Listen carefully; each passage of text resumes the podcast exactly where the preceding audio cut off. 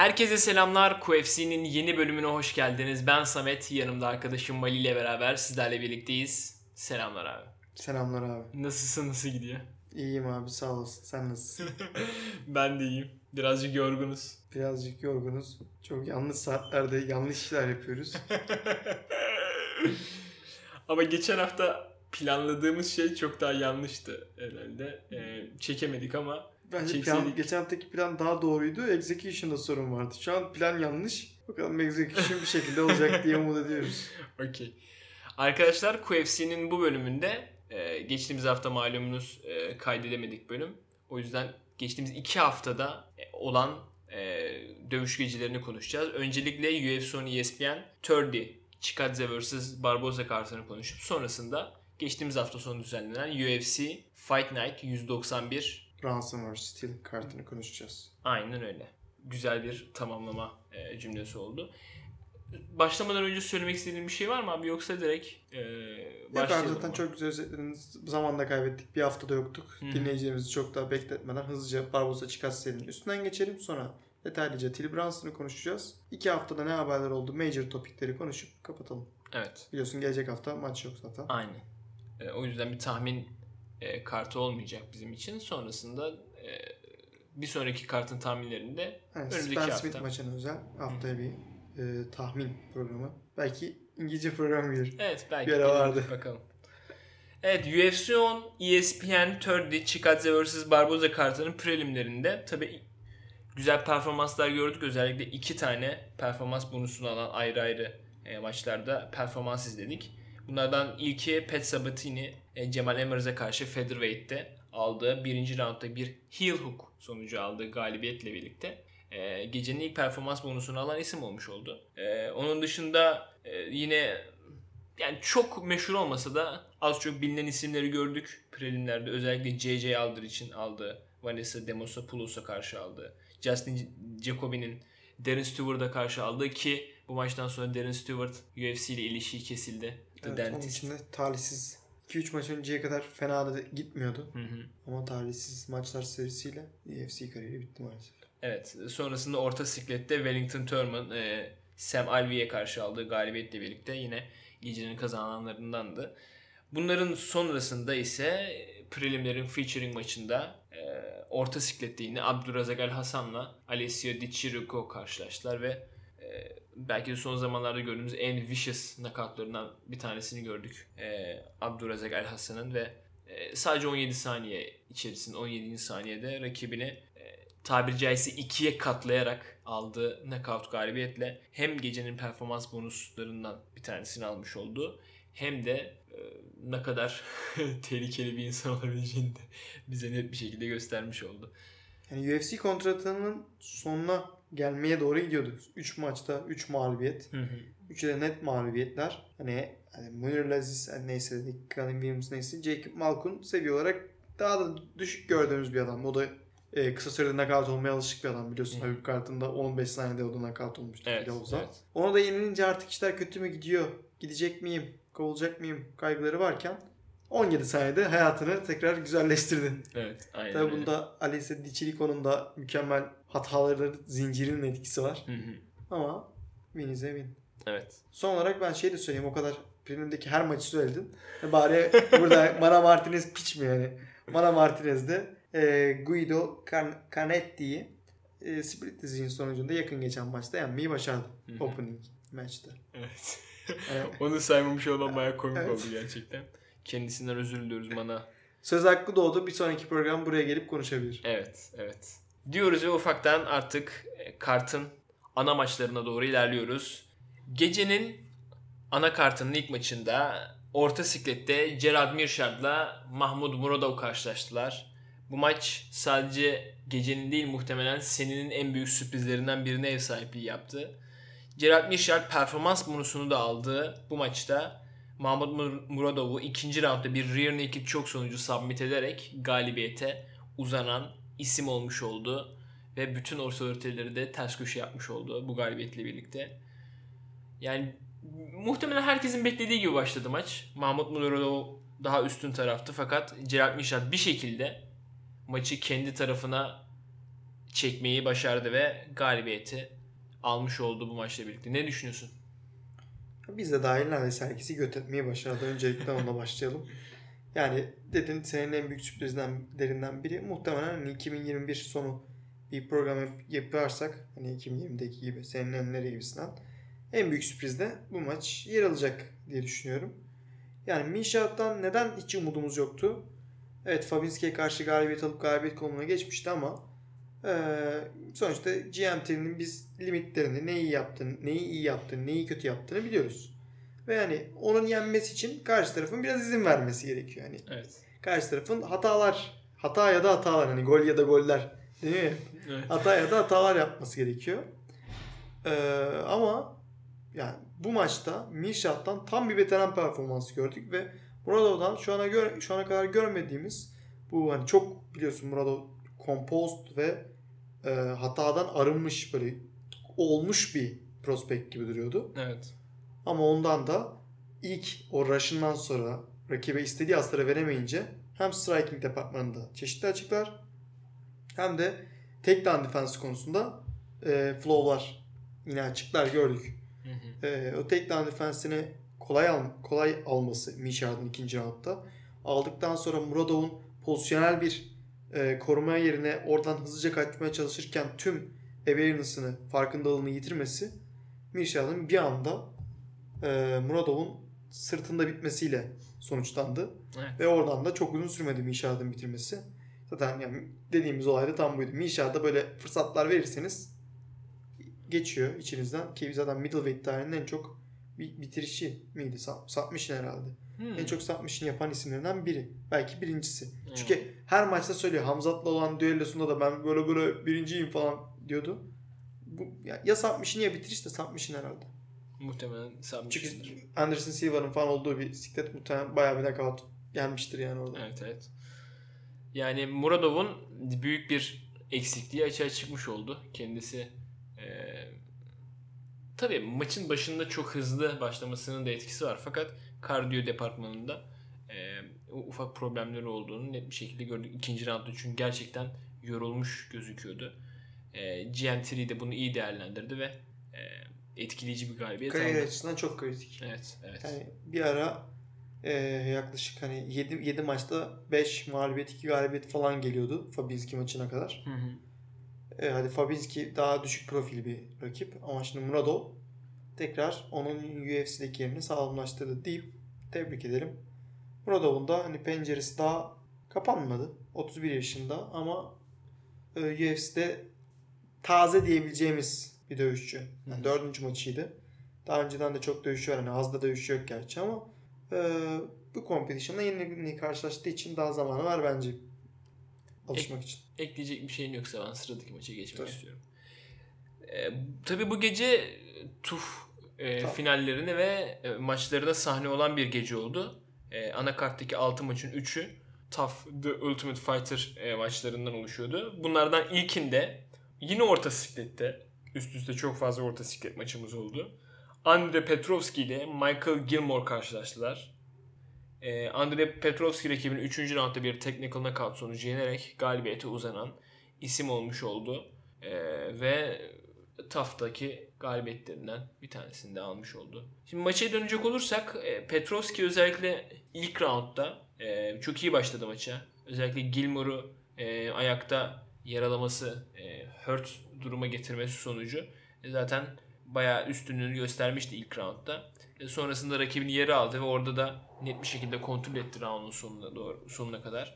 E, bu bütün bunları yapmakta tabi Petrovski'yi e, roundu getirmiş oldu net bir şekilde. İkinci roundda Gilmore geri döndü. Çok beklenilmediği üzere yani o kadar bir dominasyonun üzerine Gilmore'un geri dönmesi e, onun açısından pozitif bir e, not kesinlikle. E, fakat e, Petrovski roundun ortalarından sonra yine kontrolü biraz daha eline aldı. E, rakibini yere aldı. E, orada kontrol etti. Fakat çok ortak bir round. iki tarafa da gidebilecek bir round. E, Hakemler... Bence Gilmore'un roundu. Evet. Gilmore'un roundu demek için de güzel argümanlar var kesinlikle. Fakat Petrovski'ye de verilebilecek bir rounddu. Üçüncü roundda tabii ikinci round içerisinde değişen güç dengeleriyle orantılı bir şekilde onlarla paralel bir şekilde Gilmore e, yani özür dilerim Petrovski rakibinin ikinci roundun sonunda olduğu gibi biraz daha üstün gelmeye gelerek başladı zaten rounda. E, Gilmore'u direkt en başta yere aldı. E, ve orada kontrol etti. Gerçekten e, kaliteli bir ground kontrol gördük. Sonrasında da çok güçlü bir ground pound'la rakibini bitirerek galibiyete uzanan isim olmuş oldu. Maçı da kazanmış oldu. Böyle özetleyebiliriz yani. Senin ekleyeceğin bir şey var mı abi bu maça? Abi çok güzel özetledin. Değişen momentuma sahip olan bir maçtı. Hı hı. Petrovski'nin biz e, erken kardiyodan göçmesini bekliyorduk maçtan. O açıdan şaşırtıcıydı. Hı. Üçüncü roundda e, pushlayan. Tabii köşenin de tavsiyesi oldu bir yönde. Dedi ki bu maç round alman lazım. Bir bir olabilir diye verimli bir tavsiye gitti. Hı. O da cidden fırtına gibi ST 3. roundda ve maçın en net roundunda net de bir finish almayı başardı. Onu buradan tebrik ederim. Ve istiyorsan bir sonraki maça geçelim. Okay. Gecenin anakarttaki 3. maçında Welter Siklet'te Daniel Rodriguez ile Kevin Lee karşılaştılar. Daniel Rodriguez rakibini ortak karar sonucu yenerek galibiyete uzanan isim olmuş oldu ve e, belki de bu kartın en popüler ismi olan Kevin Lee'yi e, bir mağlubiyetle daha tanıştırmış oldu. Yani bir, bir önceki maç için momentum dengelerinin değişiminden bahsettin. Bu maçta da herhalde e, güzel bir momentum değişimi hikayesi izledik. E, geriden gelen D-Rod maçı e, o grindıyla ve striking'inin Kevin daha üstün olmasıyla kazandı. Ne düşünüyorsun maçla alakalı? Abi ne bekliyorsak oldu ya. Hani iki hafta önceki programda hani ne, ne konuştuysak sen Kevin Lee'yi mi seçtin en son? Hatırlamıyorum ki ya. Sanki ayrıştık gibi hatırlıyorum Hı-hı. ama yani direkt maçtan beklentim buydu. Kevin Lee'nin daha üstün işte diriyken özellikle takedown zamanından sonra mükemmel ayarlayabiliyorken ki cidden çok yetenekli bu konuda. D-Rod'a büyük sorun çıkarabileceğini. Çünkü D-Rod'un da takedown'u en azından initial takedown defensi iyi olsa da bunu chain wrestling'de kullanınca yani takedown'ları arka arkaya getirince karşı koyamayabileceğini düşünüyorduk. Hı hı.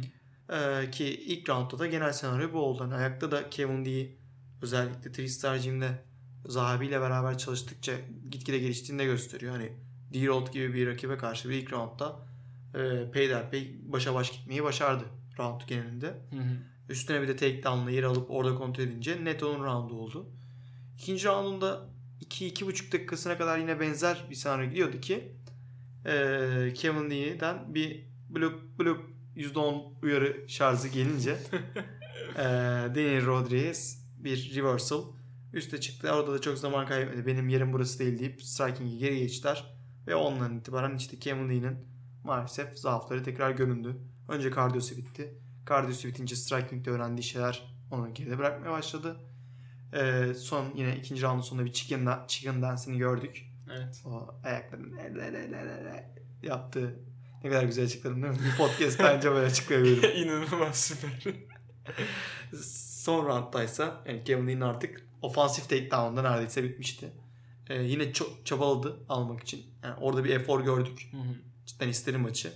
Ama işte Kevin Lee'nin o sharp hali geçtiğinde de welterweight onun için ideal değil. Bu şekilde lightweight'leri alırsın ama önceki programı hatırlıyorsun. Diyor çok büyük abi. Hı. Sadece o çabayla alabileceğin bir adam değil. Enerjinin o patlayıcılığının da olması gerekiyor. Evet. Diyor da oradan kaçtıktan sonra zaten artık Kevin Lee'yi madar etti resmen ayakta ve net bir galibiyet aldı. Kevin Lee için üzücü. Yani son 5 maçta 4. mağlubiyet bu. Ee, Dana White'da geri döner mi, döner mi bilmiyorum dedi. Senle şeyi konuşmuştuk. Abi yani niye Welter'e çıktın ki? Evet arada bir yerde sıkışmış durum, bir durumdasın. Ama sen Gillespie'yi iki maç önce yendin. Sonrasında da şampiyonu yenildin. Lightweight senin için yanlış bir division değildi ki. İlginç yani. Ki kendisinin en büyük avantajlarından birisinde hani nullify etmiş oluyor yani. Aynen.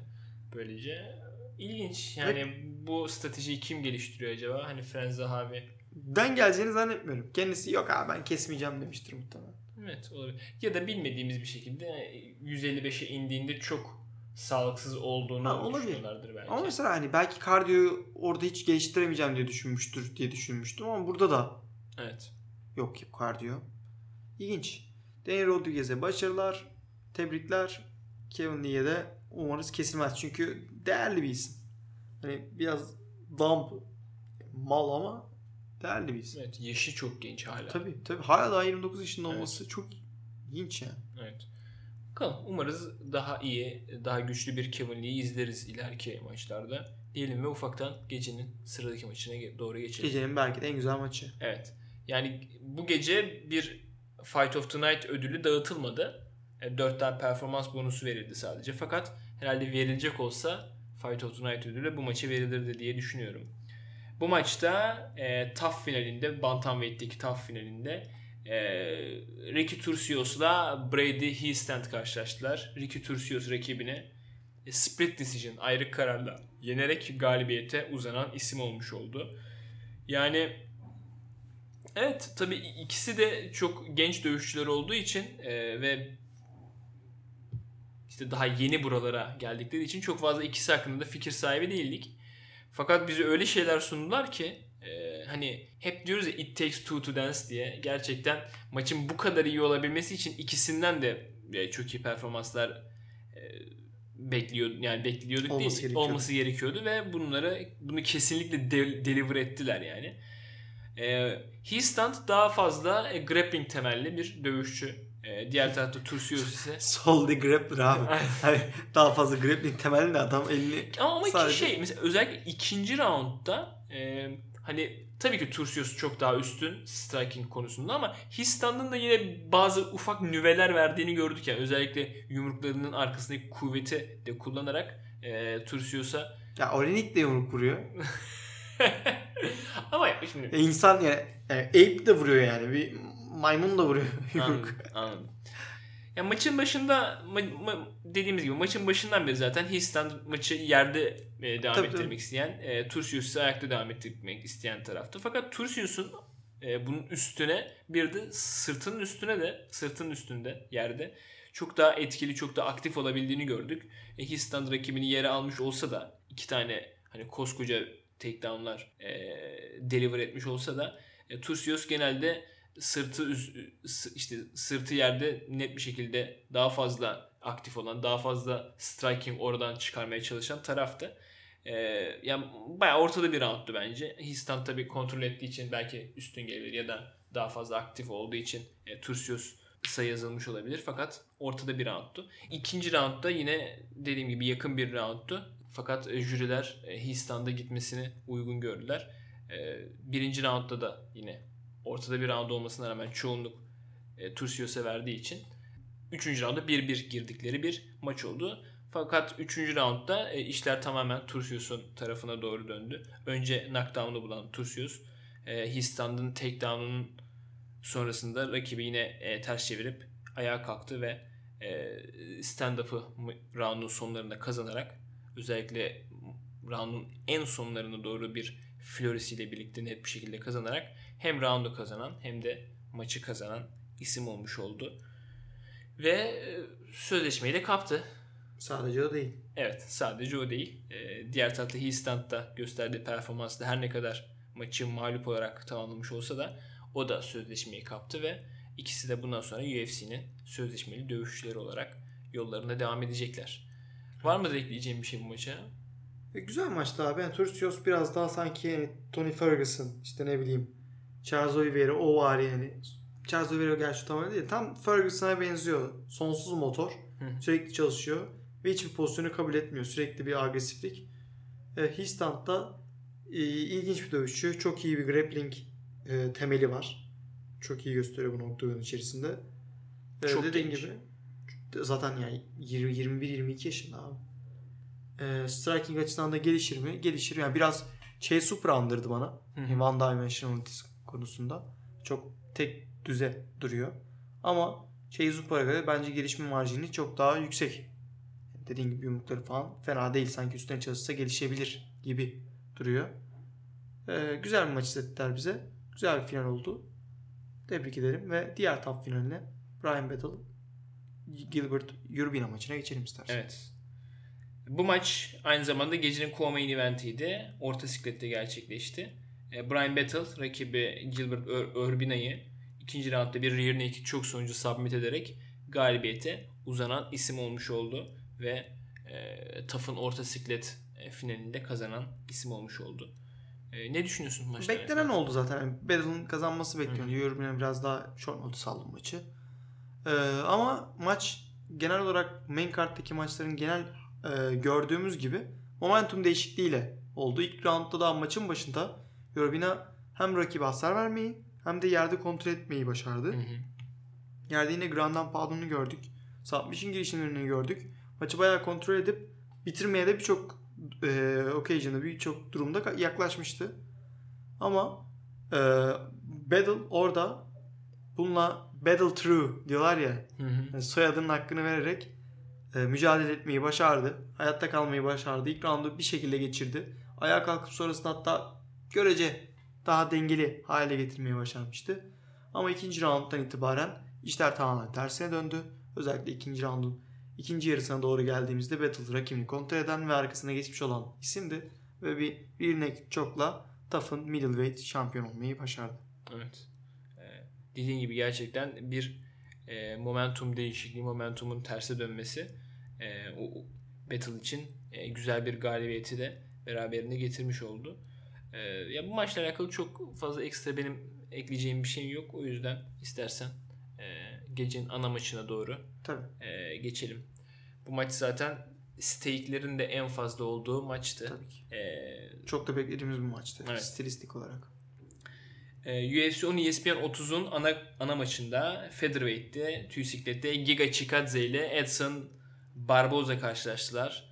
E, Giga Chikadze e, performans bonusunu da aldığı e, bu maçta rakibini 3. roundda bir technical knockout sonucu yenerek galibiyete uzanan isim olmuş oldu ve Edson Barboza'nın bu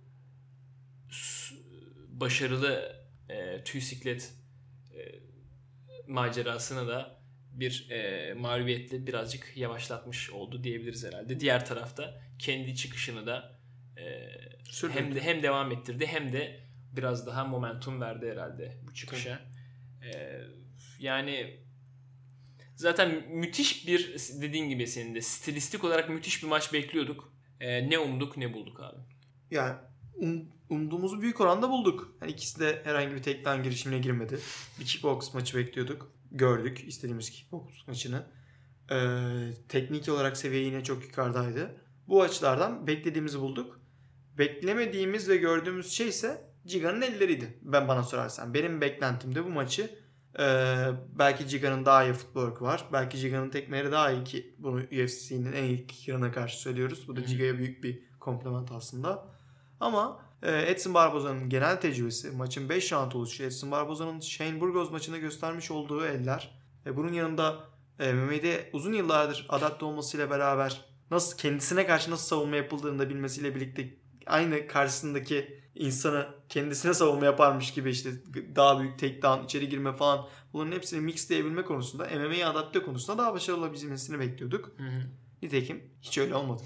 Yani o footwork'e sahip olan Giga aynı zamanda e, boks konusunda da Barbosa'nın üstüne çıkınca Barbosa 3 round boyunca resmen sürklesi oldu. Evet. Yani e, Giga çok her adımda daha üstüne yani bildiğin şey diyorlar ya bu yani İngilizce hal daha belki cool ama Türkçe çevirmek gerekirse işte seninki damaysa benimki satranç gibi bir deyimleri var. Evet. Yani resmen farklı bir oyun, farklı bir kategorideydi. Ee, Barbosa ne zaman vurmak istediğinde orada yoktu. Özellikle elleri mükemmel işledi. Barbosa'nın onun hakkını verebileceğimiz en güzel şey çekleriydi. Evet. Özellikle leg kickleri ve body kickleri iyi çeklediği de oldu. Hı hı. Ama e, bu Giga'yı vurmaktan imtina ettirmedi kesinlikle.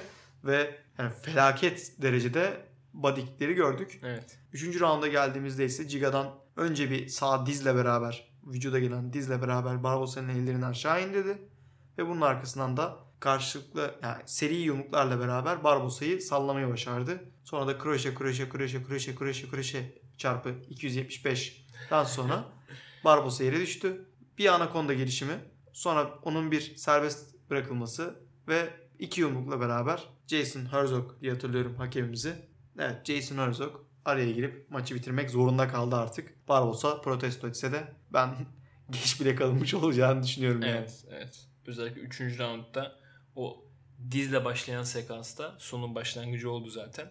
Ee, Chikadze gerçekten yüksek e, bir hasar verdi Barboza'ya ve e, net bir şekilde galibiyeti almış oldu.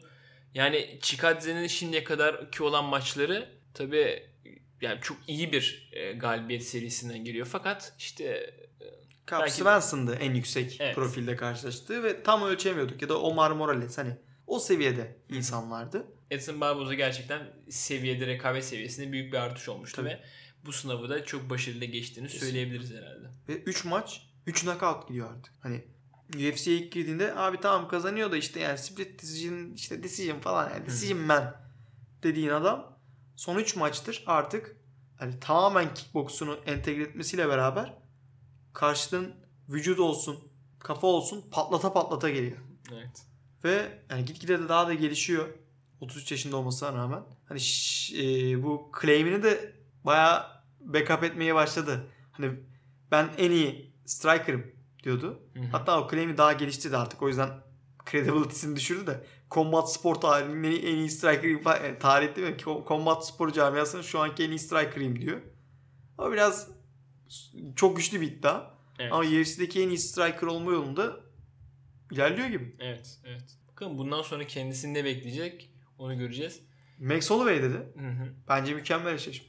Evet, kesinlikle. Mükemmel eşleşme. Evet. İkisi de tek down'la çok arası olmayan adamlar. Hı hı.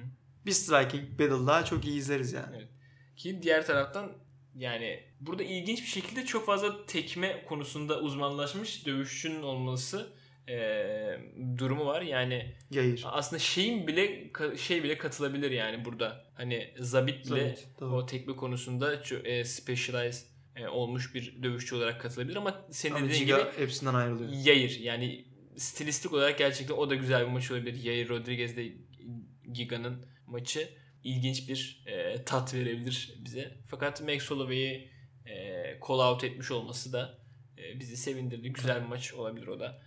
E, Max için ne kadar pratik yani şey olur, e, uygulanabilir Maç bir maç alacak. olur. Yani billaki bir maç alacak.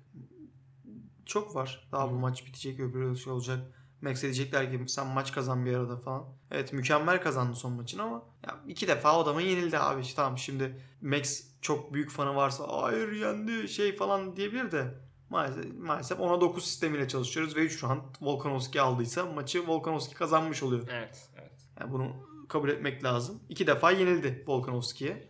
O yüzden bir belki bir galibiyete daha ihtiyacı var. Bu kadar büyük giden momentumdaki Giga'yı yenmesi onun için, açısından bence title shot'ı garantiler.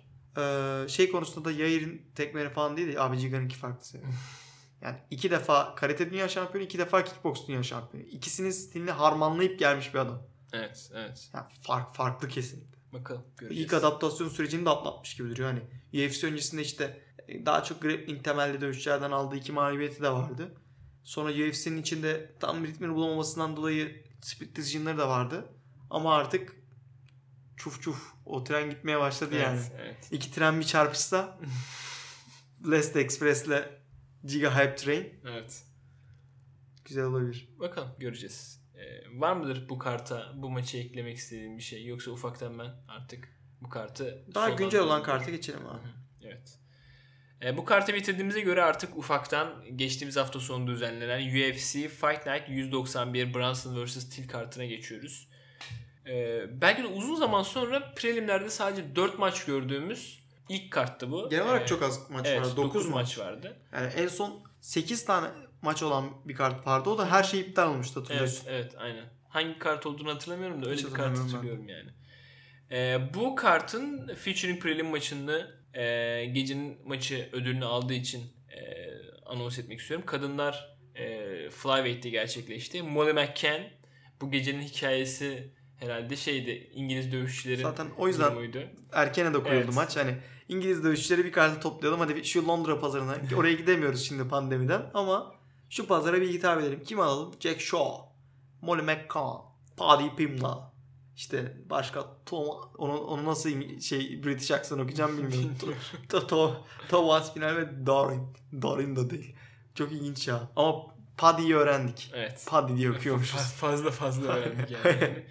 Ve İngiliz dövüşçüler son maça kadar gerçekten çok iyi geldiler ama e, belki de en büyük maçta e, umduklarını bulamadılar. Neyse e, Featuring Prelim maçında Molly McCann ile Ji Yeon Kim e, karşılaştılar ve gecenin maçı olan e, karşılaşmayı e, Molly McCann bir ortak karar sonucu e, kazanarak galibiyete uzanan isim olmuş Cidden oldu. keyifli ve çok yüksek volüm üretilen, Hı hı.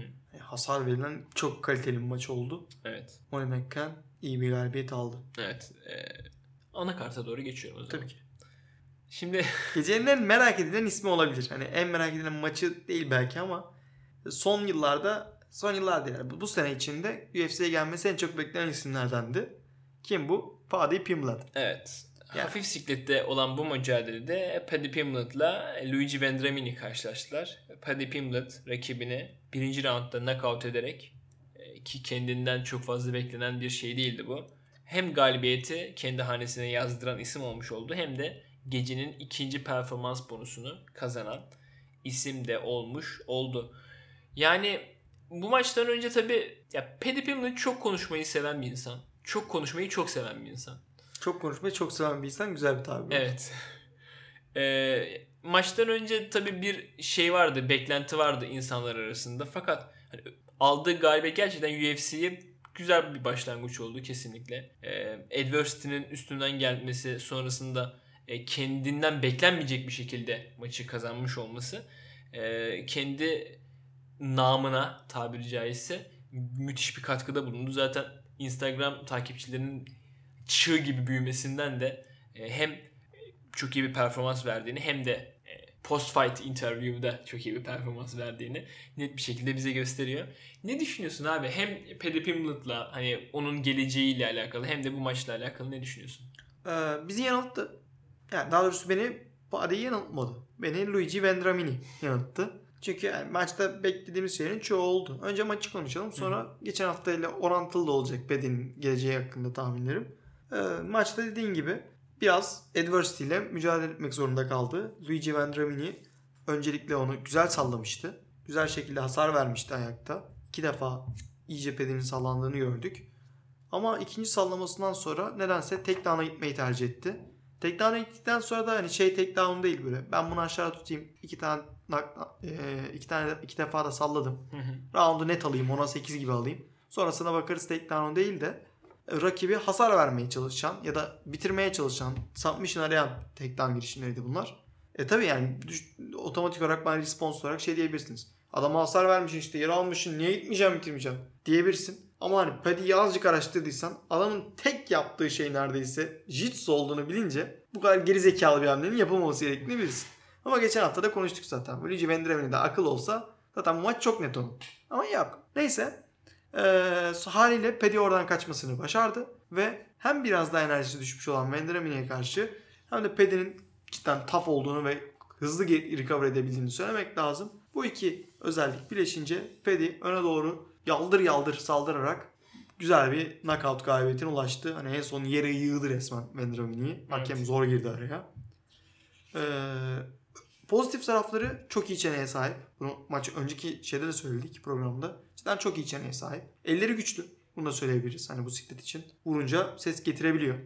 Zaten Jiu-Jitsu kısmı en iyi olduğu kısım. Ee, onun dışında fighter spirit dediğimiz işte o sürekli arzulayan, kazanmak isteyen, dişiyle tırnağıyla kazıyan ruhu kesinlikle var. Bunlar söyleyebileceğimiz güzel şeyler. Çünkü bunları öğretemezsin yani. Yani evet. vardır yoktur. Yani fighter spirit.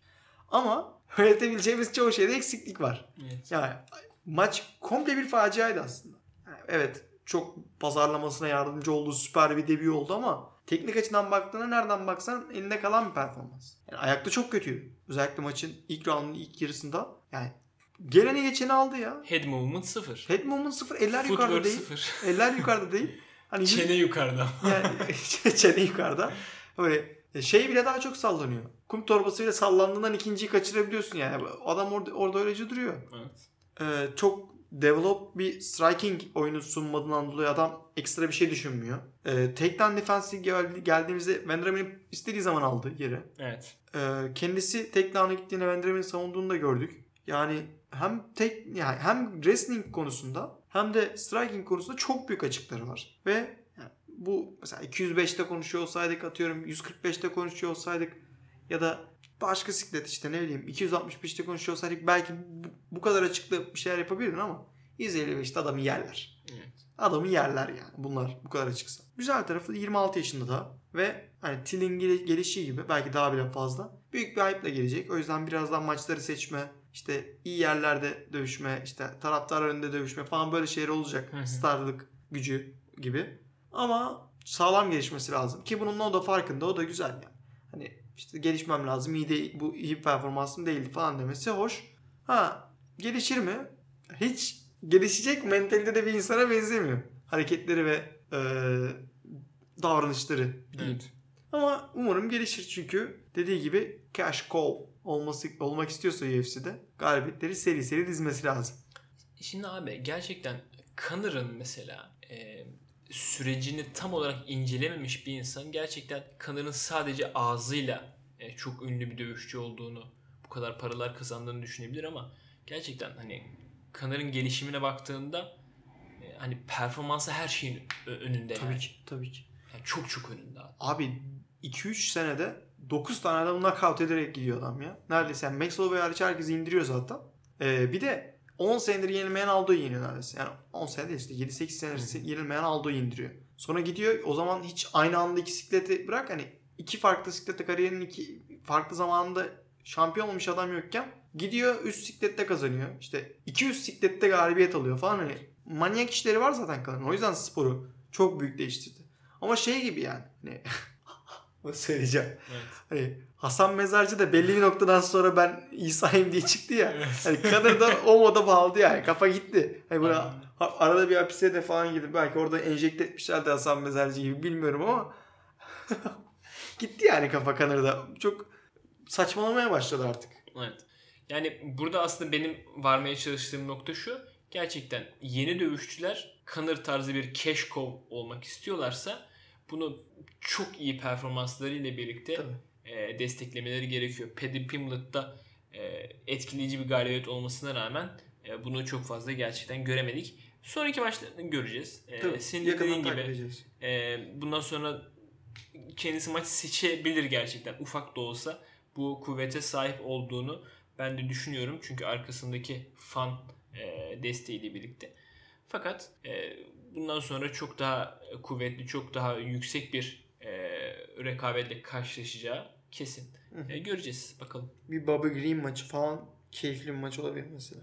Daha test edici bir maç olabilir. Kesinlikle. Hemen oraya geçmeni mi bilmiyorum ama test edilmek istiyorsa Bobby Green iyi bir test eder. Evet. Var mı ekleyeceğim bir şey bu maça? Yok Yoksa abi, zaten- Maça? Belki de en hot maçlardan biriydi. Bunu o Evet. yüzden biraz uzattık. Hı hı. Hızlıca Halil'e geçelim. Gökhan Evet. Sakil'den tanıyoruz Halil'i. Gecenin anakarttaki ikinci maçında hafif ağır siklette Modestas Bakauskas''la hiçbir zaman doğru telaffuz etmediğimiz Modestas Bukauskas ile Bu Halil- mı? evet Her defasında yanlış telaffuz ediyormuş. Halil Roundtree Jr. karşılaştılar. Halil Roundtree Jr. maçı ikinci roundda bir technical knockout sonucu kazanarak e, diagonal kick to the knee Obli oblik kick. oblique kick Ya da e, şey knee stomp. knee stomp olabilir. İkisi de söyleniyor. e, kazanarak galibiyete uzanan isim olmuş oldu ve e, yani çok vicious. Çok vicious. Çok Maçın- gördüğümüz. Başından sonuna zaten e, çok vicious bir performanstı gerçekten. Çok vahşi bir performanstı. E, böyle bir performansa da böyle bir bitiriş yakışırdı herhalde diye düşünüyorum. Sen ne düşünüyorsun? Abi onslaught diyorlar ya. Hani soykırım mı tam Türkçesi? Yani evet sanırım. So- soykıyım falan böyle il- il- ilginç yani. Ee, tam çevirisini yapamadım ama direkt içinden geçmek diyelim biz onslaught hani böyle ırksal bir şey yok. Yani Şimdi niye gereksiz buna girdiysem neyse. Halil Roundtree direkt bu Kauskas'a girerek başladı maça. Yani hiç rakibe sıfır saygıyla başladı. Sağlı sollu işte tekmeler havada uçuşuyor. Şey gibi sanki barka havası anlatıyormuş gibi. Bukauskas'ın ondan bir saygıyı geri alması gerekiyor. Maç içerisinde. E, bir yumruk vurması işte bir tekme vurması bir gözünü bir nebze korkutması ki üstüne o agresifçe gelmesini engellemesi gerekiyor. Yoksa çok büyük hasar oluyor ki bunu tüm round boyunca engelleyemedi ve burnunu kırmakla sonuçlandı bunun sonucu. Evet. Round sonunda iki tane tekme vuruyor. Birader vursana baştan bu. Bir adama desene bak bende bunlar da var. Biraz geri çekil ben bir nefes alayım. Neyse ikinci round başladı. Bu sefer Ra- Halil Roundtree çok yapmadığı şekilde genelde gaz sorunu da oluyor olan bir dövüşçü. Bu sefer kendini daha iyi ölçmeye başladı ki birinci roundun ortasında da yapmaya başlamıştı. Bunu hani bu açılardan geliştiğini söyleyebiliriz. 2 dakika 40 saniye kala 2.45 falan civarında şey fark etti. Hani bu, bu Kauskas'ın cebinin üstüne fazla geldiğini fark ederek o cebe gelişini e, oblik kickle cezalandırmak istedi bir.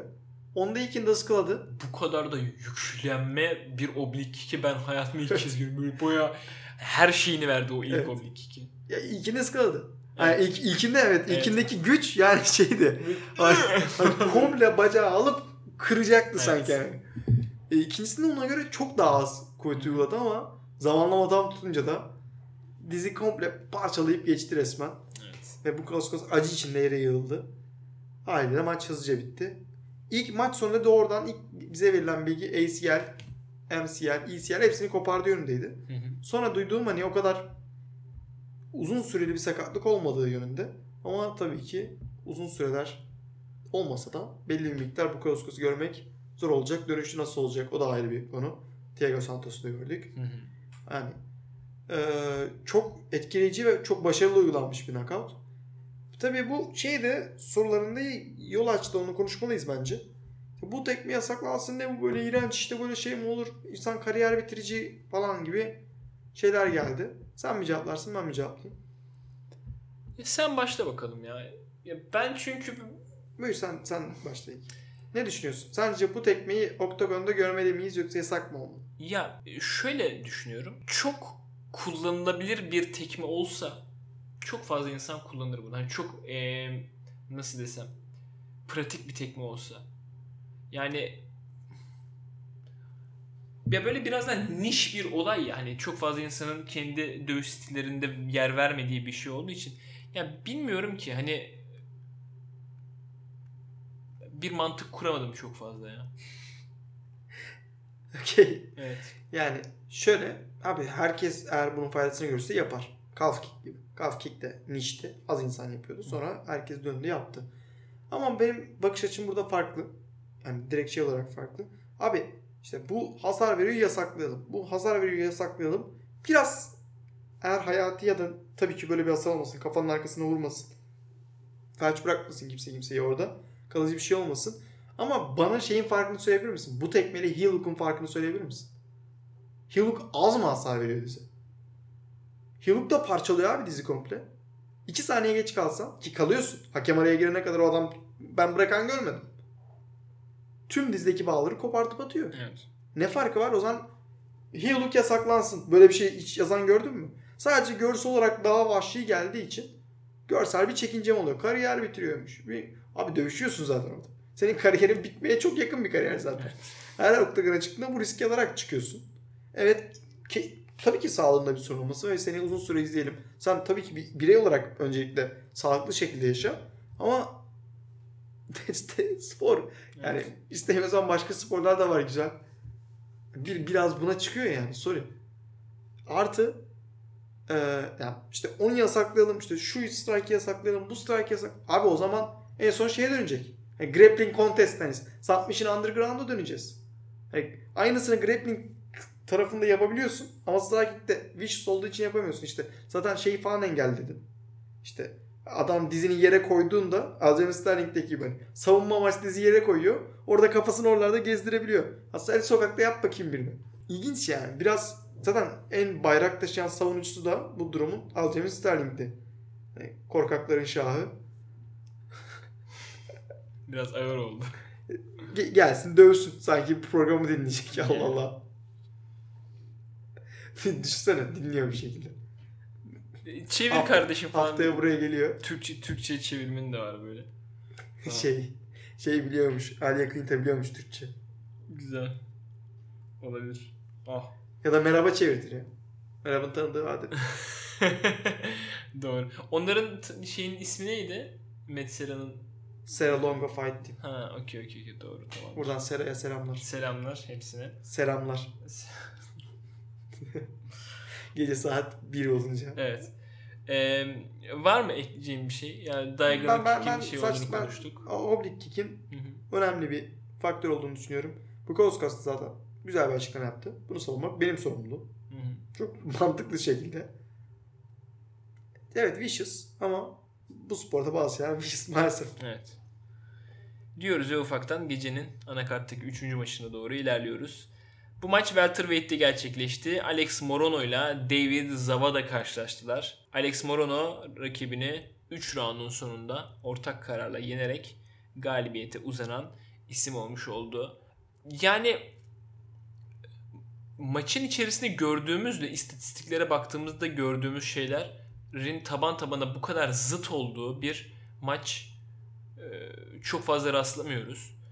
E, Gerçekten istatistiklere baktığımızda inanılmaz her şeyin o kadar birbirine yakın olduğu bir maç görüyoruz ki. Fakat e, maçın içerisinde e, çok daha farklı bir resim görüyoruz. Özellikle impact konusunda yani ne kadar e, hacimler birbirine yakın olsa da gerçekten Alex Morono'nun e, seçtiği yumruklar e, işte yumruk alışverişlerinden üstün çıkmış olması, daha kuvvetli yumrukları, daha isabet, daha e, stratejik yerlere vurmuş olması e, gerçekten bu maçı ona getiren e, etkenler oldu. Özellikle e, çok fazla kafaya çalışmış olması. Zabada biraz daha çünkü işte kafa, vücut, e, kısmen bacak oralara da çalıştı. E, bu her ne kadar güzel bir e, taktikmiş gibi gözükse de hani rakibi daha fazla yoran hakemlerin gözünde bu yorma, bu e, avantajları sağlamadığı takdirde Tabii.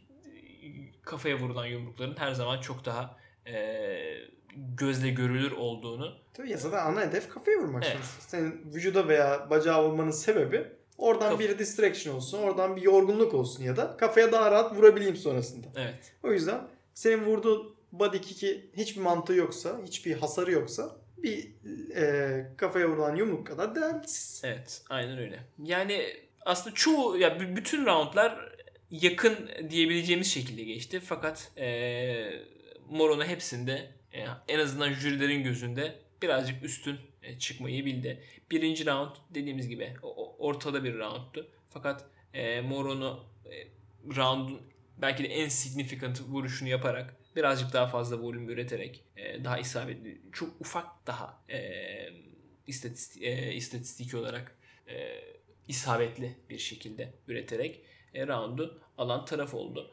E, burada bir de şeyin de etkisi olduğunu düşünüyorum. Zavada rounda iyi başladı. E, roundun sonlarına doğru düşüş sergiledi. Morono da tam tersi bir şekilde olduğu için hakemlerin gözünde Morono'nun bu roundu almış olması e, biraz daha mantıklı. Daha fazla performansını giderek arttıran taraf olunca ister istemez bir algı oluyor. İkinci roundda da yine aynı şekilde Morono yüksek performansına birinci roundun sonunda çıktı. Yüksek performansına devam etti. Özellikle ilk roundun aksine e, Morono daha fazla baskı yapan taraftı. Özellikle ben Morono'nun şey kısmından çok etkilendim abi. Yani Zavada öne doğru agresifken özellikle 1 ve 3. roundlarda agresif olan taraf Zavada'ydı. Ee, bundan herhangi bir negatif şekilde etkilenmeyip hatta bunu öne doğru gelişini çok iyi cezalandıran counter shotlarıyla beraber impact'i yaratan ve maçta bence en çok öne taşıyan Morono'yu çünkü dediğin gibi sayılara baktığında çok yakın olan maçta ayrılan asıl taraf Zavada öne gelirken Morono onun her adımını cezalandıran mükemmel counter shotlara sahipti ve bu shotlarla beraber de maçı net şekilde kazandı. Evet. E, benim ek, ekstra ekleyeceğim bir şey yok. Senin Benim de şekilde. ekleyecek bir şeyin yoksa gecenin co-main eventine doğru ilerleyelim. Bu maçta ağır siklette e, belki de sikletin en büyük e, prospektlerinden bir tanesi Gun artık gözüken- title fight'a çıkacak kadar büyüyünce Yani. Tom Aspinall ile Sergey Spivak karşılaştılar. Tom Aspinall rakibini birinci roundda bir technical knockout sonucu yenerek hem gecenin son performans bonusunu alan hem de galibiyeti kendi hanesine yazdıran isim olmuş oldu ve e, kısa süren galibiyetler serisine e, bir yenisini daha eklemiş oldu. Ne düşünüyorsun abi sendeyiz. Yani Thomas Pinal Ama beklenti dahilinde bir performans. Evet. Yani Spivak'ın Thomas Pinel'in boxing ile eşleşmesi zor zaten. Hı hı. Hani yeri alması gerekiyor ki yani Thomas Pinel'in genel anlamda fena olmayan bir res- takedown defensinin olduğunu da biliyoruz. Yani tek, yani güreş geçmişi de fena değil. Hı hı. Çok iyi ol- ol- olup olmadığı tartışılsa da. Ee, özellikle biliyorsun Britanyalı olması bir kere te- yani wrestlingini sorgulatıyor içten içe. Tabii. Ama e, yani Spivak'ın da işte Moldova'da sağlam bir background'un olmasından dolayı bir şans olabilir gibi konuşuluyor ama tabii ki bu Oktagon'a girene kadar her şey. Oktagon'a girince gördük ki yani Spivak hiçbir şey yapamadı. Çok ağır kaldı bir kere. Çok yavaş kaldı yani. Aspinal 3 adım atana kadar bir adım atıyor abi. Ve fizik olarak büyük olan da Aspinal. Evet. Öyle olunca hem hızdan hem güçten vererek olmaz yani. Ee, haliyle de Aspinal mesafeyi kapattığı bir sekansta Spivak judo throw denedi. Abi de ya, kendinden daha seri, kendinden daha büyük adamın ne judo throw'u deniyorsun sen ya? Her, her- e, haliyle bunu bu clinch'in çıkışında da e, sağ dirseğini mükemmel yerleştirdi Ha, Aspinal. Spivak'ın hedine, e, kafasına doğru. Ve küçük bir delayed reaction'la beraber hani Spivak o kadar yavaştı ki tek şey dirsekten hasar aldığını algılaması da yavaş sürdü. Hani tek conceptual şeyler yavaş çalışıyor. E, yere yığıldıktan sonra da Aspinal net şekilde üstüne gidip maçı bitirmeyi başardı haliyle. Evet. E, momentum devam ediyor. Tren devam ediyor. Bu Britanyalıların içinden Jack Shaw'la beraber en etkileyicisi. Herhalde Aspinall belki daha ondan da etkileyici. Bakalım yani Ar- Bado, Arlovski ve Spivak hiç fena bir üçlü değil. Hı hı. Hepsi bitiriş. Zaten kariyerindeki tüm maçlar bitiriş. Aspinal fena geliyor. Ben şeyi de çok seviyorum. İşte bir an çıkıp ben title ediyor, hak ediyorum falan filan demeyip de ya işte ben gelişmem lazım ya. Daha yukarıdakiler iyi benim. Daha 2-3 tane daha maç yapmam lazım. İşte kaçım ben 13 muyum? 12 ile dövüşeyim. Kaçım ben 10 muyum? İşte 11 ile dövüşeyim falan. Yani bu şekilde takılması, kendini geliştirmeyi çabalaması hoş bence. Hı hı.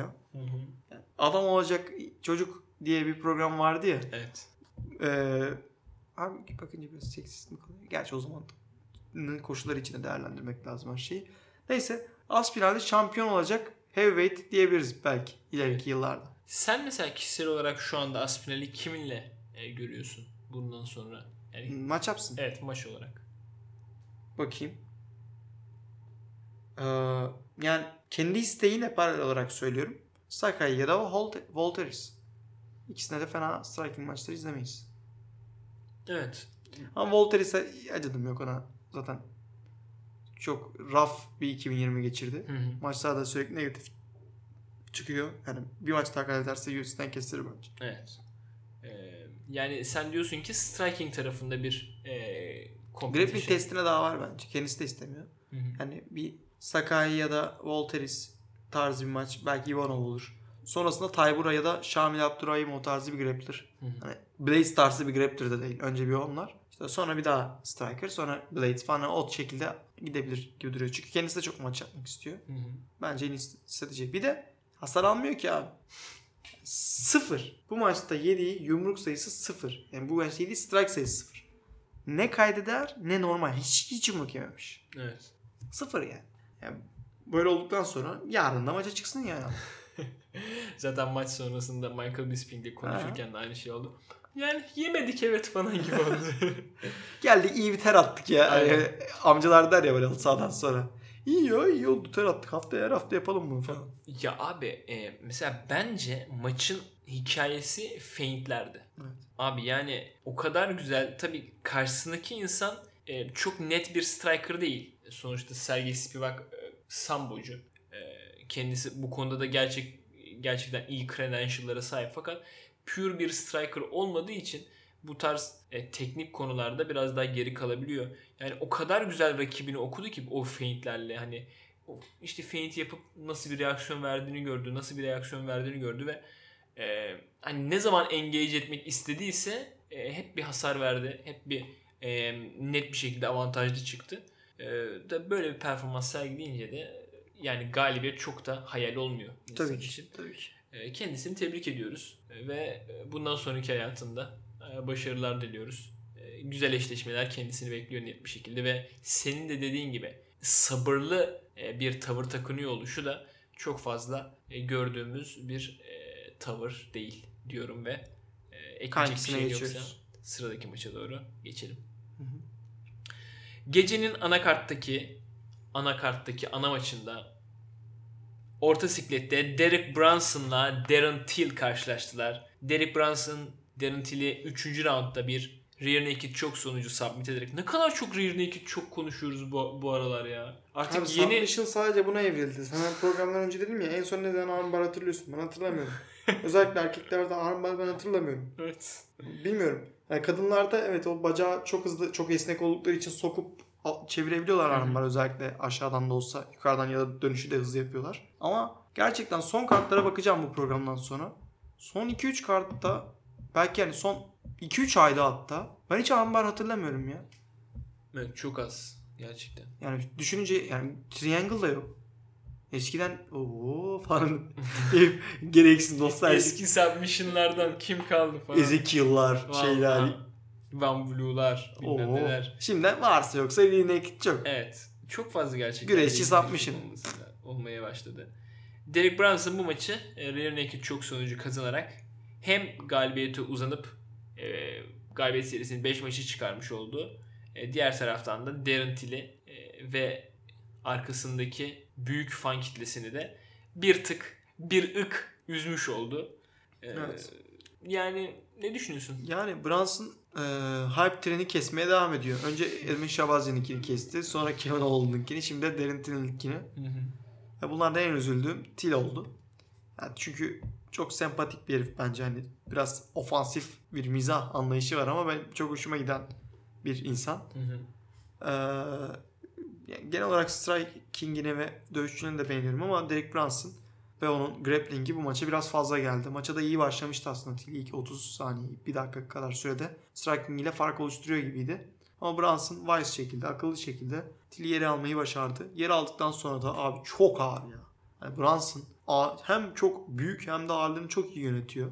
Ve bununla beraber 3 dakika boyunca yerden bir daha kendisini kaldırmadı ve Till'i round boyunca kontrol edip kayda değer de bir hasar verdi. Till kalkamadı yani. Çok fena. Yani Çok- ilk roundun sonunda zaten. Göz Till- kapanmıştı zaten. Evet. Ee, ve hani direkt Till neye uğradığını şaşırmış şekildeydi ikinci roundun başına gelirken. Çünkü Till'in iyi bir takedown defense olduğunu konuşuyorduk hani. Maçın üstü burada 3'te 0 mı yaptık? Ha çok Aspiral bizi kurtardı tabii ki. Yani şey, Party'de de yenildik ya. Party'de. Ee, bu Till'de de yanlış tahminde bulunduk. Çünkü e, Till'in takedown defense'inin en azından 2-3 round yetebileceğini düşünüyorduk. O, orada yapacağı striking avantajıyla da kurtarabileceğini. O Brunson'ın takedown avantajları çok güçlüydü. Çok net şekilde girdi. E, ikinci roundda Till iki defa savunmayı başardı bu takedown entry'lerini ki çok da iyi sa- savunmalar yaptı aslında. Yine çok iyi entry'lerle giriyordu Derek Brunson ama Till'den bayağı derinden gelen sağlam sprawl'lar, sağlam işte Greco-Roman e, mücadelelerle savundu. Ama bir olmadı, iki olmadı. Üçüncüde bu sefer Brunson tüm vücuduyla beraber içeri girince Evet. E, double leg'den kaldırıp vurdu resmen yere. O ana kadar iyi giden Till'in e, roundu yine Brunson'a gitti. Aşağıdan kalkmayı başaramadı ve birinci roundda ne gördüysek bu roundda yine aynısını gördük. Son rounda geldiğimizde ise Till'in en iyi rounduydu belki. Hı hı. Ayakta sallamayı başardı. Brunson'ı salladı. Bir belki yarım saat, yarım saat diyorum 30 saniye falan daha olsa bitirişe kadar götürebilirdi ki Brunson işte tecrübe, veteranlık burada ortaya çıkıyor. Oradan yine uzaydan gelen bir takedown girişimiyle beraber girdi. Aldı yere. Till belki de son fırsatını ulan bu roundda kaybedemem. İki round kaybettim diye yukarı doğru fırlatarak yaptı. Ama kafes onun yanında onu engelleyici olunca guardda olan Brunson'ı fırlatışıyla beraber mound'a sokmuş oldu. Ve sonrası Evet. Till için hiç iyi olmadı. Sırtını verdi ve rear naked choke'la maça belki de UFC'deki title umutlarına veda etti. Ne kadar Bisping ve Oliveira gibi insanlar bırakma sen yapacaksın, sen iyisin, kralsın, aslansın dese de cidden mental açıdan büyük bir yıkım. Evet. Ee, bu kadar büyük bir hype'lı gelmişken gerçekten e, son 5 maçında 4 mağlubiyet almış olması e, iki siklet içerisinde de e, dikiş tutturamamış olması bu yönden Darren Till'i mental olarak kesinlikle zorlayacak bir konu Biraz daha aşağıdan maç almaya başlaması lazım ama. sanırım. Evet. Biraz kendini geliştirecek. Mesela vücudu da çok, sen dedin bunu, Evet. fit görünmüyordu. Evet. öncesinde sorunlar falan olduğu belli. Belki biraz kendisinin vücudu dinlenip daha aşağıdan daha rahat kazanabileceği maçlarla beraber toplaması faydalı olabilir. Ki zaten bu kadar uzun süre beklemiş olmasın neredeyse yani bir, bir seneyi geçen bir zamandır Tabii. maç yapmıyor. Doğru. Yani çok fazla sakatlık yaşadı bu süreç içerisinde. Ee, bir de dediğim gibi gerçekten maç, maça çıkarken yani vücudu çok fit gözükmüyordu yani. Evet. E ki zaten ben haber haberlerde okudum bir iki tane e, bu kamp içerisinde de hani ciddi sakatlıklar yaşadığı olmuş. E, yani bütün bunları değerlendirdiğimizde tabii bunların hiçbiri bahane değil ama e, Darren Till için bence yolun sonu değil. Tabii ki. Daha Ee, hala genç. Evet. 28 yaşında. Evet. Yani hala e, Şampiyonluk materyaline sahip. Ya kesinlikle ya çoğu insanda olmayan gerçekten fark yaratabilecek özelliklere sahip. Sadece yapması gereken şey e, Derek Brunson kadar e, takedownlarda düzenli sürekli bunu deneyebilen insanlara karşı biraz daha e, bu yeteneği takedown defense yeteneğini kazanabilmek. E, yani ne kadar mümkün bu onu bilmiyorum ama Adesanya'nın yaptığını gördük. evet. Evet. Adesanya ayrı bir nokta tabii ki. Ama e, Adesanya'nın durumunda sonuçta bu ikili 3 roundluk bir maçta e, dövüştüler sanırım. Adesanya bitirdi ama Derek Brunson. Evet. Ama yani o ikisinin mantalitesi de birazcık farklı ya. Hani 3 roundluk bir maça çıkmak ve 5 roundluk bir maça çıkmak. Yani tabii ki Ama Adesanya ilk round da bitirdi adam.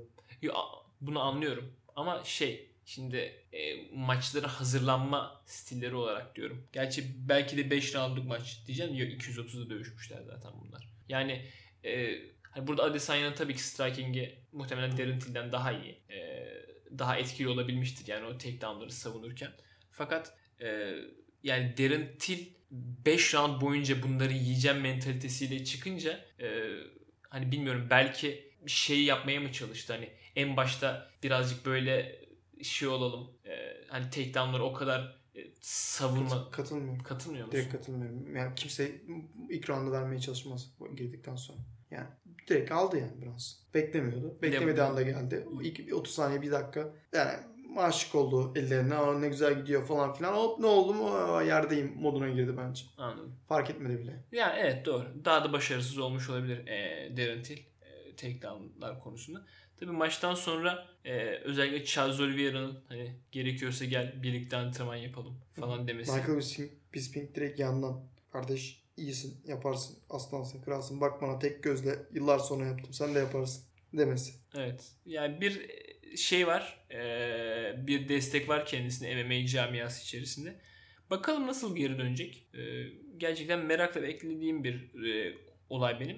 Ki ya senin de dediğin gibi hani maçı yorumlarken dediğin gibi yani çok güzel nüveler gördük aslında takedown defense'e e, dair de. Fakat bunların işte hem maçın geneline yayılması hem de e, kendi oyun planı içerisinde daha anlamlı bir yer edinebilmesi e, bundan sonraki oyununu nasıl evrimleştirecek e, göreceğiz. Benim şimdilik söyleyebileceklerim bu maçla alakalı bu kadar. Senin de bir Brunson kısmına yoksa. geçersek Hı hı. Brunson yani, mu- yani muhtemelen artık ya title shot ya da title eliminator maçına çıkacak. 5 maçlık etkileyici bir galibiyet serisi var. Ee, benim beklentim Jared Cannonier'e karşı maça çıkması. Zaten tek boşta olan o geçen haftalarda 2 hafta önce konuştuğumuzda da Cannonier'den konuşmuştuk. O da boşta diye. Hı hı. Brunson'da bu etkileyici galibiyette bence bir Brunson Cannonier maçı title eliminator olarak Costa Vettori maçının daha üstün olur. İkisi de çünkü yakın zamanda title shot'a çıkmışlardı ve kaybettiler.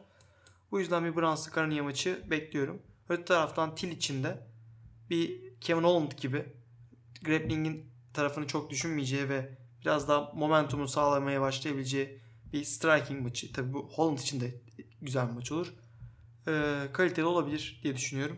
Till demişken e, buradan senin de ekleyeceğin bir şey yoksa hani Till'in şampiyonluk için en büyük umudu olan belki de maç Tyron Woodley maçı olarak kalacak. Tyron Woodley'nin Tyron Woodley olduğu zamana denk gelmişti maalesef Darren Till. Evet. Ama Tyron Woodley'nin Tyron Woodley olmadığı zamana denk gelen bir haberle istiyorsan geçtiğimiz iki haftanın özetine devam edelim. Lütfen, lütfen. Ee, geçtiğimiz bu pazar değil geçtiğimiz pazar ondan önceki pazar ee, bu ayın en çok satan pay per view eventi gerçekleşti. Belki bu senenin en çok satan pay per view eventlerinden birisi. YouTuber dememek lazım artık. Pro Boxer Jake Paul'la 3'e 0'lık skoruyla gelen Jake Paul'la e, Pro Boxing debüsünü yapan yani ilk Pro Box maçına çıkan Tyron Woodley bir 8 roundluk boks müsabakasında karşı karşıya geldiler. Hı hı. Ve bu maç e, beklenenin aksine çok fena da maç olmadı yani. Evet. Keyifli denebilecek bir maçtı. Düşük seviye şey diyebilirsin maça. Tyson Fury, e, Deontay Wilder maçı diyebilirsin. Bir tanesi sadece punching power'a sahip. Diğeri böyle biraz daha teknik dövüşüyor. Ee, bence iyi maçtı. Jake Paul'u test eden de bir maçtı. Ve yani Jake Paul'a artık saygı ben asker maçına da demiştim. Saygı duyulması gereken bir noktaya geldiğini düşünüyorum ben Jake Paul'un boksinginin. Ha boksırlarla dövüşmesi lazım orası ayrı iyice test etmek için. Ama hani işte ben bunu da yapıyorum bunu böyle döverim falan diyebileceğiniz bir seviyede değil Jake Paul. Jake Paul harbiden sıfırdan gelen ve şey bir işte böyle 3'e de 0 4'e 0 standart başlayan bir boksörle aynı hype'a sahip olması gereken bir boksör bence. Cidden e, zaten genç olduğunu söylemek lazım. Elinde dünyanın parası olduğu için mükemmel çalışabildiğini söylemek lazım. Hani şey kısmına katılmıyordum zaten ben önceden beri işte. Dövüşmen için 20 senedir dövüşüyor olman lazım. Bu sporlar böyledir yapmazsan olmaz falan. Olaylarına katılmıyordum. Bunun canlı kanlı ispatı oldu Jake Paul. Aynı zamanda UFC Fighter Pay ile alakalı şeyleri falan. Jake Paul'u nefret bokum kadar sevmem. Ama yaptığı şeyleri beğeniyorum açıkçası. Bu konuştuğu şeyleri. Tyron Woodley'e de e, şifa mı dileyelim artık. Yani abi an, anlamak mümkün değil adamı. Böyle bir de maçta konuşuyorlar. İşte yorumcular kim kusura bakmasın aradıklarını bilmiyorum. O diyor Tyron Woodley niye üstüne gitmiyor diyor. Buna burada bir roundu ka- kaybetmeyi şey yapamazsın diyor. Zaten 8 roundun var sadece falan diyor. Aklıma direkt şey mimi geldi. Sonra da gördüm zaten internette. Bu var ya e, askı takmışlar boyuna falan böyle bir adam var sağa doğru bakıyor. Hangi filmden onu da bilmiyorum da cahillik yani. First time diye bakıyor ya. Hmm. Abi direkt o geldi aklıma yani. Tyron, sen diyorsun ki 8 roundluk bir maçta bir roundu vermek olmaz. Nasıl kayıp telafi edeceksin? Adam 3 roundluk maçta da veriyordu. Yani bir round olsa onu da verecek. Evet. Tyron direkt adam ropların oraya, iplerin oraya gidip böyle elleri yukarı kaldırıp kafayı içeri sokup gelsene gelsene gelsene diye bekleyip bir tane yumruk vurmaya planlayan bir adam. Abi ya çok ilginç ya. 3 round boyunca hiçbir şey yapmadı ilk 3 round. Evet. 3 round boyunca Jake Paul bildiğin Wilder Fury maçı gibi Fury diye etrafta dolaşıp dolaşıp içinden geçti resmen. Dördüncü roundda ama işte Tyron Woodley'nin niye Tyron Woodley olduğunu tekrar gördük. Bir yumrukla da maçı kapatıyordu. Arkada ipler olmasa düşmüştü yere yani. Hani knockdown'dan sonra nasıl kalkardı bilinmez. Ama ipler iyi kurtardı. Jake Paul'un çenesine de kredi vermek lazım. İyi de aldı yani. Şimdi çocukta çene de var. Evet. Eller de güçlü. Ki Woodley'i salladı yani. 7. roundda da o salladı. O andan sonra ama Jake Paul boks ringinde olmanın ne demek olduğunu o an anladı. Hani işte Nate Robinson'dır, Askren'dir falan onunla değil de o yumruktan sonra gözler döndü böyle her köşeden gelişinde riskim ya dövüşecek miyiz falan filan diye geliyor.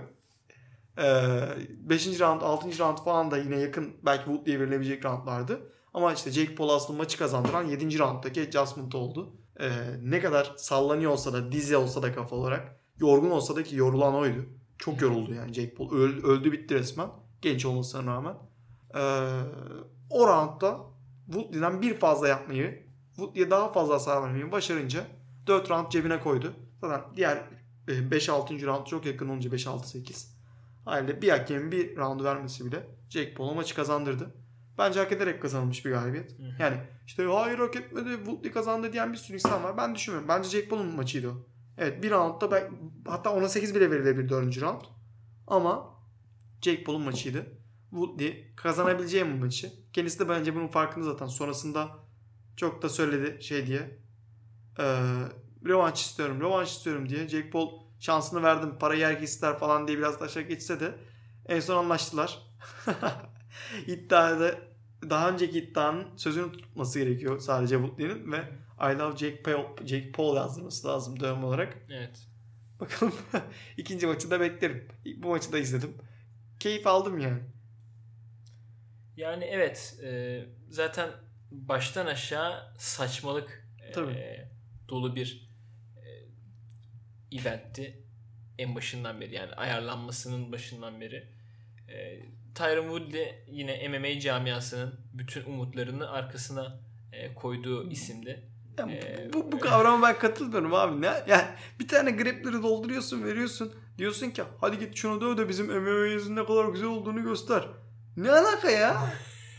hani ne alaka resmen? Ama yani ben bunun zaten bir normatif bir şeye girmedim yani. İnsanlar Evet, evet. bunu şey yapıyorlar. Evet, yapıyorlar. Saçma. Çok doğru. Ee, ve yine Tyron Woodley uzun zamandır olduğu gibi e, yine hayal kırıklığına bu uğratmaktan insanları geri kalmadı ve e, o yumruğu bulmuşken devamını getirmeyerek e, bir Woodley klasiğine daha imza bir, attı. Bir, bir Woodley klasiğine daha imza attı. Bu da aynı zamanda Jack Paul'un da bence bir dövüşçü olarak e, büyümesine de katkı sağlayacaktır Tabii, kesin. E, ya bundan sonra da o, o tarz beklemeleri yani illaki dövüşecektir Tyron Woodley'den sonra da. E, beklememesi gerekiyor. Bunu da bilmesi gerekiyor. Sonuçta birisi e, en azından daha bitirmeyi koklayabilen bir dövüşçü e, böyle yaraladığında kendisini e, durmayacaktır. E, bu da Mesela orada Tyron Woodley yerine ben başka iki isim söyleyeyim. Yine MMA'den aşina olduğumuz. O adamlarla karşılaşırsa ne olacağını sen hayal et. Biri kanır. Hı hı. çok istediği için. Evet. zaten. Aynen. Diğeri de Masvidal. Romero. Yani Romero da aynı şeyi yapar. Romero'nun akıl seviyesi Woodley'den çok mu üstün? Aynı şeyi yapar. Ben ben orada şey söyleyeyim. Masvidal olduğunu düşün. Sıkıntı. Sağ çıkarmaz o adam. Evet. Yani dedim gibi baştan aşağı ilginç bir e, olaydı zaten. Geçti gitti. Rövanş maçında beklemiş e, olacağız. Kesin de değil. Belki e, Tommy Fury ile dövüşmek istiyor Tyson Fury'nin biraderi. Hı hı. Onunla da bir yine e, maç satmayı iyi biliyor ya. Arkada hemen bir setup kurmuşlar. Kavga etmişler göstermelik işte. Gelecek maçı satmayı biliyor yani. Tommy Fury de e, güzel padded bir rekora sahip bir e, dövüşçüdür kendisi. E, bakalım. Yani Ya- Nate Robbinson'ı sayıyorsak onun şeylerini de saymamız lazım Tabii. yani. Ya ama şey sonuçta bir boksördür yani. E, O Jake Paul boksör değil mi? Yok işte hani Tyron Woodley değil ya. Ha ha ha. Rakip Doğru. olarak Doğru. yani. E, bu yüzden daha denk bir maç olacaktır. Ya zaten Tabii, tabii, Ty- Tyron Woodley maçı da Denk maç. yakın bir maçtı. Bence çok denk. Zaten split için bitti. Evet. E, ama e, Tommy Fury maçı da bakalım güzel olur. Benim çok aşırı ilgimi çeken bir dövüş o- olacak mı emin değilim ama e, Ben seviyorum açıkçası ben Paul'un geliştiği kat ettiği gelişmeyi görmek hoşuma da gitti. Yani bir şeyi temsil ediyor baya. Hani 20-25 yaşlarındaysanız bile bu spora cidden gönül verirsiniz. Hı hı. Ya tabii MMA'de bu daha zor. Boks çünkü tek bir disiplin olduğu için yani çalışabiliyorsun. Belli bir, bir kalibreye gelebiliyorsun. Çok fazla şey aynı anda yüklemen gerek kalmıyor. Ee, ama hani öyle ya da böyle bir yerlere e, geç kalınmadığını da gösteriyor. Abi sonuçta öyle bir seviyeye geldik ki şu an profesyonel spor. 3 yaşında başlaman gerekiyor her spora. Evet. Sokmuşum böyle şeye ya. Yani ben başlamıyorum ki. Annem babam başlıyor teorik olarak. Aynen Ben 3 öyle. yaşında nasıl bilebilirim bir spora başlamayı? Diyelim ve sıradaki habere geçelim istiyorsan. Şu an gördüm hangi habere gideceğini. Evet. Boks demişken Aynen. O zaman. Bokstan devam edelim. Ee, normalde e, bu bir e, furya oldu artık. E, MMA, eski MMA dövüşçülerinin e, boks e, maçlarında çıkıyor olması. eski boksörlerle. E- Eski Daha boksörlerle. eski hatta. Daha da eski boksörlerle. E, bir maç e, ne olarak buklanmıştı? Oscar De La Hoya, Aynen. Vitor Belfort. Hatta Oscar bayağı hikayesi olan bir seri. Oscar De La Hoya, George St. Pierre olacaktı. Hı hı. Dana White girdi. Hop kardeşim olmaz böyle şey. Biliyorsun Oscar De La Hoya'dan nefret eder. Evet. Ee, sonra George St. Pierre yerine Vitor Belfort'u buldular. Hı hı. Sonra Vitor Belfort Oscar De La Hoya olacakken Oscar De La Hoya korona olduğunu söyledi. Ve maçtan ayrıldı. Replacement fighter olarak Thriller çoktan bunu düşünmüş ve Evander Holyfield'la yanlış duymadınız. Evander Holyfield yani Mike Tyson rakibi olan daha zamanında yenmiş efsane boksör Evander Holyfield'la anlaştı. 58 yaşında. Vitor Belfort'a karşı maçı çıkacak. O da 45 yaşlarında falan herhalde Belfort'ta. Saçma sapan bir maç yani. Gerçekten baştan sonra saçma maç yapılabilsin diye Florida'ya taşıdılar. olay. Hı hı. Hani 58 yaşındaki Evander'a vermeyeceklerdi yoksa lisans. Yani bakalım. Çok ilginç. Gerçekten merak ettiğim e, yani izlemesi çok zevkli olacağını düşünmüyorum ama Evet. e, Sonucunu merak ettiğim evet, bir maç. sonucunu merak ettiğim bir maç. Evander kazanırsa sonrasında Mike Tyson'la bir rövanşları banko var bence. Hı hı. Bakalım göreceğiz. E, diğer tarafta e, yine MMA dışındaki Ha, bir bu- bu haberle kartı hemen şey alakalı konuşalım efendim. Bu kartı hemen şunu ekleyelim. Hı hı. Yorum üzerinden bir ya kartın abukluğunu şöyle Ha, anlayın. evet. Yorum üzerinden birisi de Trump olacak. Evet. Hani what the fuck ya. Aynen. yani böyle her taraftan alma. E, ortaya karışık bir e, muhabbet gerçekten. Bakalım göreceğiz. E, az önce dediğim gibi diğer taraftan e, MMA dışı haberlerimizde yakın zamanda kendisini konuştuk. Gable Stevenson e, son olimpiyatlarda, Tokyo olimpiyatlarında e, kendisi Aa, altın madalyayı madalya. e, aldı. E, hep böyle bir flört halindeydi zaten hem UFC'de hem WWE ile. e, hangisine gideceği e, konusunda e, fikir ayrılıkları vardı. Kendisi WWE ile bir anlaşma yaptığını açıkladı e, ve e, kariyerine orada devam edecek. Güzel paralar kazanacak bir e, insan olacaktır muhtemelen. E, çünkü bir olimpiyat şampiyonu olarak oraya gidiyor olması. Hı hı. E, promosyonunda kendisini e, net bir şekilde boostlayacağını herhalde e, anlatıyor. Ne düşünüyorsun bu olayla alakalı? Çok mantıklı. Yani şeyi saymazsak ben ben olsam olimpiyat devam etmeyi seçerdim. Biraz daha kompetitif ruha sahip olsam. Yani ben olsam demek biraz uzaktan da öyle mi? Yani kompetitif düşünsen olimpiyatta bir de 3 sene kalmışken bir sonraki olimpiyatta bir altın daha işte ben burada gerçekten varımı gösterip dönmek daha mantıklı bence. Ama e, biraz daha para istiyorum ve takılacağım diyorsan bence de UFC'ye göre daha mantıklı tercih. Bunu olmasını sağlayan Dynamite. Yani sen dövüşçülerine para her defasında kısıp işte e, ben buradan para kasayım da buna vereyim, buradan kasayım da buna vereyim bir takırsan böyle yıldızları sana gelmez. WWE'ye gider. Neden? Çünkü adam gidecek orada WWE'de. 2-3 sene takılacak. Belki 5 sene takılacak. Orada şovunu yapacak. İşte iyi ilişkiler kurarsa parasını kazanacak. Ünleni, ünlenecek. Ondan sonra ünlü olarak gelince UFC direkt title shot alacak. Direkt milyonlar alacak. Niye tek tek oradaki tüm killer'larla işte Aspinal'lerle, Chris Dawkins'larla uğraşmak zorunda kalsın ki? Evet, evet. İlginç bir Maalesef yol olacak böyle yani. işliyor yani. Evet, ne yazık ki gerçekten böyle işliyor. İlginç bir yol olacak Gable Stevenson için. Bakalım e, kendisini bundan sonraki hayatında neler bekliyor. E, diğer tarafta e, ben buraya işte CM Punk'ın e, emekli Emekli olmasını bu da, bu da konuşmak lazım. CM Punk da AEW e, Pro Wrestling şeylerine gidiyor. Hı hı. Açılımını bilmiyorum. A, E, V, W işte. E, o da WWE gibi farklı bir promosyon. Hı hı. Bir ara şeyler falan gitmişti. Seodular falan Mike Tyson'ın hatırlıyorsan. O etkinliğe gidiyor. E, yani şey oldu. MMA cidden çok seven bir arkadaştı. CM Punk. Çok istedi. Çok çalıştı. Ama hep Jake Paul'un senaryosunda olduğu gibi pozitif bitmeyebiliyor bazen bazı şeylerin sonucu. Çok paran olsa da çok çalışsan da bazen de olmuyor. Evet. Hayat böyle maalesef. CM Punk'ta bu negatif tarafta kalınca bize rezalet iki maç izletti. Hı hı. Yine de emeklerin için teşekkürler CM'cim. Sana yeni hayatta başarılar. evet. Diyelim ve son haberimizle birlikte. Sona ee, geldik mi ya? Yani şey var sondan bir önce hadi şey Alex Pereira'nın UFC ile imzalamasını hmm, konuşalım. Doğru, doğru. E, Michel ile karşılaşacak o da. Adesanya KO'layan tek adam. Evet. UFC'ye geldi ve e, Adesanya'nın peşine düşecek. Bakalım gidecek mi? Oraya kadar gidebilecek mi? Evet ilginç bir kariyer olacak gerçekten. Onu izlemesi keyifli olacak. Tabii. Nereye gideceğini kariyerinin. Ee, Sırf Adesanya şampiyon diye gelmiştim. Yani şöyle Adesanya şampiyon olması çok büyük bir şey katmıştır. Ulan bu şampiyon ben bunu yendim. Bu, o zaman bu buraya adapte olursa ben hayli hayli. Hani Kesinlikle abi. Bu bize e, MMA ya e, MMA'in e, nasıl bir spor olduğuyla alakalı çok güzel fikirler verecek bence. Çünkü insanların nasıl bunu adapte olabildiği e, işte mesela hani şu anda ne diyoruz? Alex Pereira e, İsrail Adesanya'yı knockout etmiş. Ondan daha iyi bir kickboxer belki de.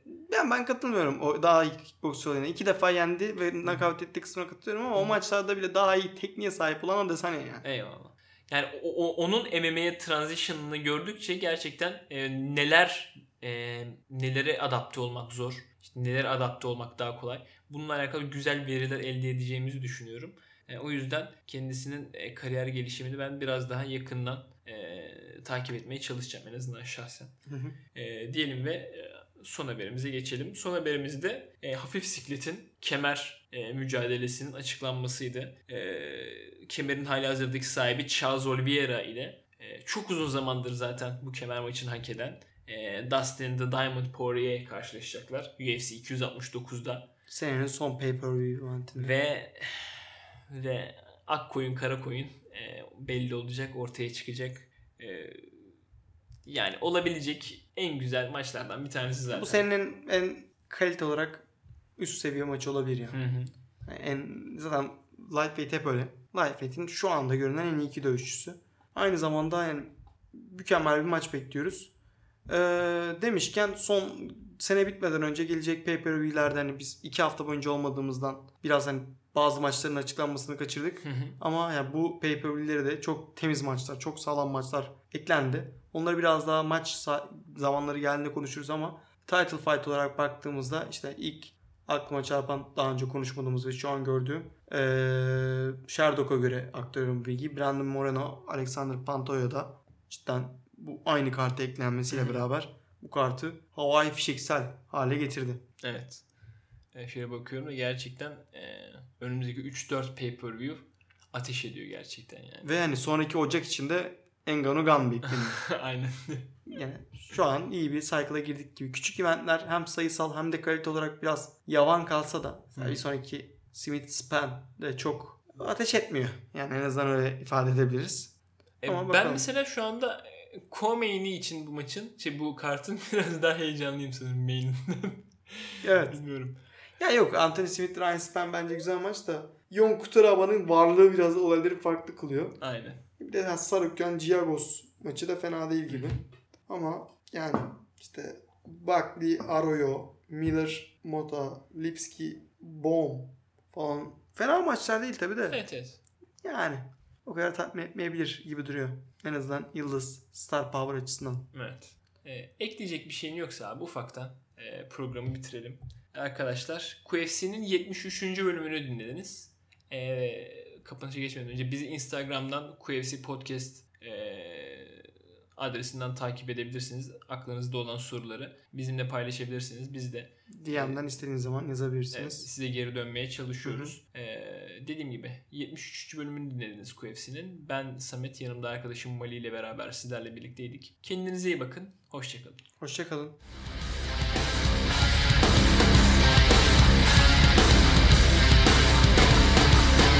Time to end